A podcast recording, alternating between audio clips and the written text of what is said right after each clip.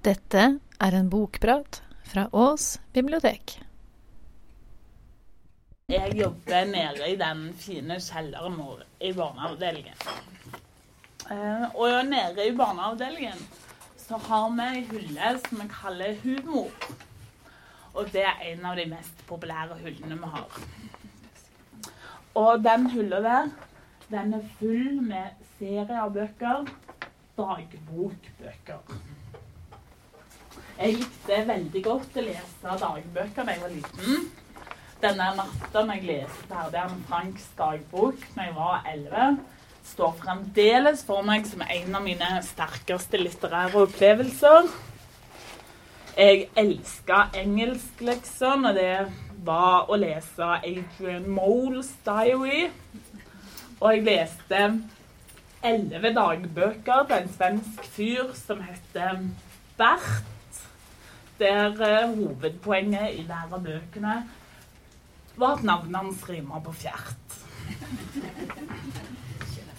Um, å lese dagbøker er noe som unger alltid har likt veldig godt. For det er så lett å leve seg inn i livet til disse ungene som angivelig skal ha skrevet disse bøkene. Men det som var blant meg og mine lesernes venner da vi var små, var at det var jo ikke alt vi leste. Det var bare en del av det utvalget vi hadde å velge mellom. Men for unger nå til dags så er det mange som sitter fast i den humorrulla, som bare velger de samme bøkene. En pingles dagbok er den første av den nyere generasjonen dagbøker. Det er ti bøker om en fyr som heter Greg, og det morsomme livet hans.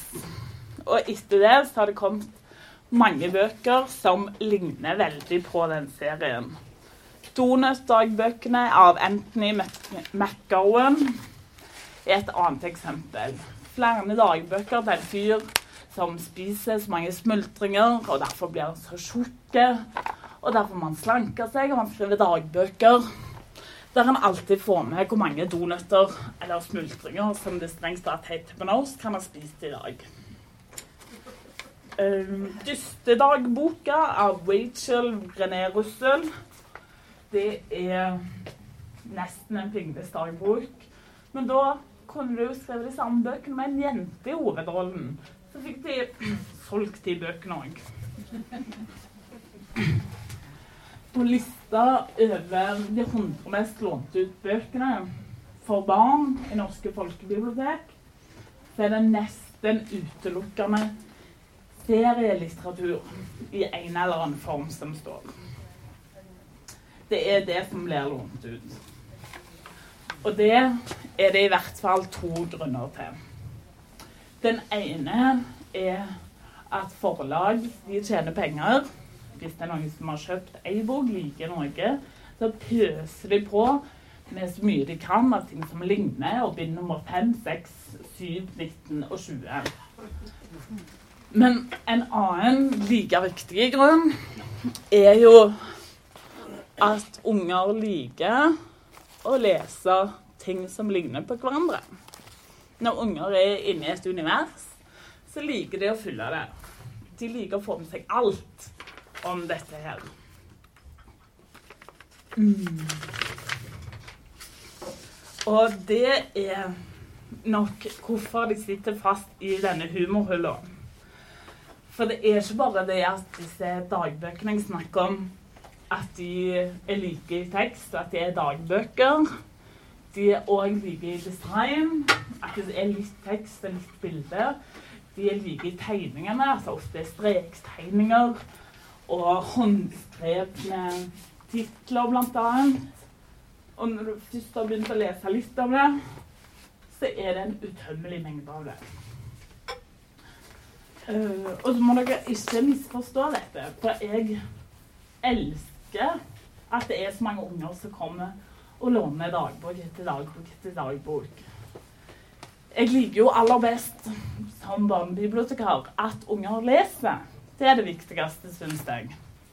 Men jeg prøver jo òg å få dem litt videre. for å vise dem at det fins noe mer enn det mest populære som de finner sjøl.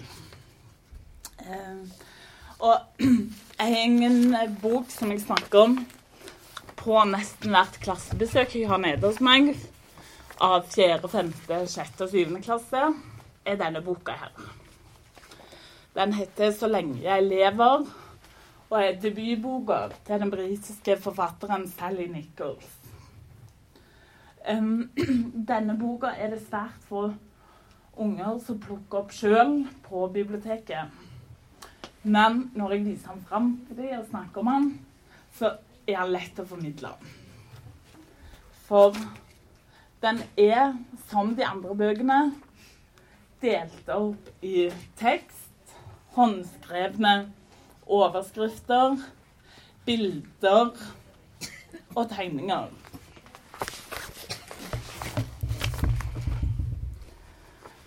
Um, boka den handler om Sam. Og han er elleve år. Og han har kreft, og han kommer til å dø. Sam han går ikke på skolen lenger. Det har han slutta med. Han og en gutt som heter Felix, som han traff på sykehuset i fjor, får hjemmeundervisning hjemme hos Sam av ei som heter fru Willis. Og av henne så får Sam beskjed om å skrive en bok om seg sjøl. Og det begynner han med. Og da gjør han sånn som i disse andre bøkene. Han skriver lister, han lager tegninger. Han skriver òg Gjennomgående i hele boka så er det flere spørsmål. Som han skriver spørsmål nummer én, spørsmål nummer to. Av spørsmål som ingen vil svare på. Der han skriver spørsmål nummer én hvordan vet man egentlig at man er død?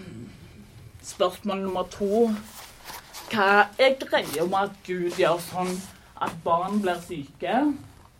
Og dette er spørsmål. Han får ikke svar på det. Han prøver å spørre dem, men det er ingen som svarer på det. Boka begynner med en liste om Sam. Og på den måten presenterer forfatteren oss tydelig for denne gutten. Lista går sånn. Én jeg heter Sam. To jeg er elleve år. Tre jeg samler på historier og fantastiske fakta. Fire jeg har leukemi. Fem når du leser dette, så er jeg sannsynligvis død. Når foreldre kommer ned til meg i avdelingen og spør om jeg kan anbefale noe til 11-12-13-åringen deres, og de ikke har noen spesielle preferanser, så pleier jeg ofte å gi dem denne boka. Og når de leser litt om den, så får jeg ofte litt sånn bekymra blikk så sier ja, Er det noe ja. Men da tar jeg og overbeviser dem om at selv om dette er jo en trist bok, det er jo tragiske ting som står, så er det en seriøst bra skrevet roman for unger. Og det viktigste av han er at han tar unger helt på alvor. Mye mer enn i disse bøkene som jeg sier at han ligner på. Eh, Nichols tar og forteller en dramatisk historie, men på en helt likefram måte. Så jeg tenker at vi voksne som leser denne her, syns han er mye mer fæl enn det ungene sjøl vil tenke. Hvorfor jeg liker fakta, heter det andre kapitlet. Og da skriver Sam at jeg liker fakta. Jeg liker å vite ting. De voksne forstår aldri det. Man spør dem f.eks.: Kan jeg få en ny sykkel til jul? Og de kommer med tullete svar. Um, om Kan man se hvordan du føler deg litt nærmere jul? Um, eller man spør kanskje legen sin hvor lenge må jeg være på sykehuset. Og han sier noe sånn som La oss nå se hvordan du føler deg. Og det er jo leges svar på Jeg vet ikke. Jeg trenger ikke dra til sykehus mer. Dr. Bill lovte. Jeg må gå til en klinikk. Det er alt. Hvis jeg blir ordentlig syk, kan jeg være hjemme. Det er fordi jeg kommer til å dø. sannsynligvis, kommer til å dø den største tulletingen av de alle. Ingen vil fortelle deg noe. Man stiller spørsmål, og de hoster og skifter samtaleemne. Å ha en sånn sterk begynnelse som dette her, så legger Nichols til rette for at vi godtar hele denne tragiske historien. Uh, uten at du nødvendigvis blir deprimert av å lese det. Hun legger nemlig ingenting imellom. Vi vet med en gang at han er svært syk. Det kommer ikke til å overraske oss. Og historien i boka følger oss fra sykehus til syke venner til redde foreldre. Og det er til tider veldig heftig å lese. Felix, han som han går på skole med hjemme, han dør. Og det er jo veldig heftig med unger som dør. Og det er urettferdig, skriver han. Og det er sant, det er det. Men det er ikke Men grunnen til at jeg likevel snakker om denne boka her, selv om det er jo ganske um, åpenbart hvorfor en ikke har en eh, oppfølger og en oppfølger som de andre bøkene, er at um, det er en veldig livsbejaende bok. Det er mye gode greier inni boka. Jeg vil at unger skal lese boka. For å lese om hvor gode venner han og Felix er. Og det er lange avsnitt om um, at Sam har tatt med um, Guinness rekordbok, og de prøver å lage all slags verdensrekorder. Akkurat sånn som alle unger liker. Og jeg vil at jeg skal lese om alt det morsomme læreren gjør, selv om alle sammen vet at dette er det siste året så gjør de løgne fine ting hele tida. Han har jo disse listene sine sammen. Eh, og jeg skal lese liste nummer ni av dere. Dette er ganske seint ute i boka, og vi vet at det går ganske dårlig. Liste nummer ni. De beste tingene. Én spille lange omganger med Warhammer sammen med Felix. Sånne der vi ender opp i store kamper med figurene og glemmer hvem som vinner. To fly i et luftskip. Tre den store vannkrigen vi hadde på skoleleiren, der alt ble gjennomvått, inkludert maten for hele uka. Tre sprengeting med Mrs. Villax. Fem den gangen på sykehuset da vi stjal ei rulleseng og brukte hele ettermiddagen på å gli bortover korridoren i den, mens alle på avdelingen lette etter oss. Seks ake på akebrett. Syv da jeg kom til toppen av nedover-rulletrappa. Åtte gå opp i den høyeste berg-og-dal-banen i Lightwater Valley tolv ganger på rad sammen med søskenbarna mine. Ni kjøre nedoverbakke på sykkel så fort man kan, og ikke bremse før man kommer helt ned til bunnen. Ti. Føle at jeg kan gjøre hva som helst. Reise til månen, til og med.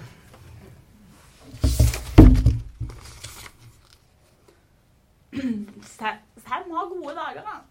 Selv om livet suger. Det er fint å lese om. Man blir godt humør av det. Den siste lista i boka hans nummer 11, den handler om hva han vil skal skje når han dør. Det, det er punkt nummer seks. Dere får lov å være triste, men dere får ikke lov å være altfor triste. Hvis dere alltid er triste når dere tenker på meg, hvordan skal dere da huske meg? Og det syns jeg er en ganske fornuftig tanke. Og det liker jeg at ungene nede på biblioteket mitt låner boka og tenker over. Så om dere ikke kommer til å lese denne boka her sjøl, så er det et tips hvis dere har noen unger som dere føler burde lese noe annet enn en Pinnes dagbok.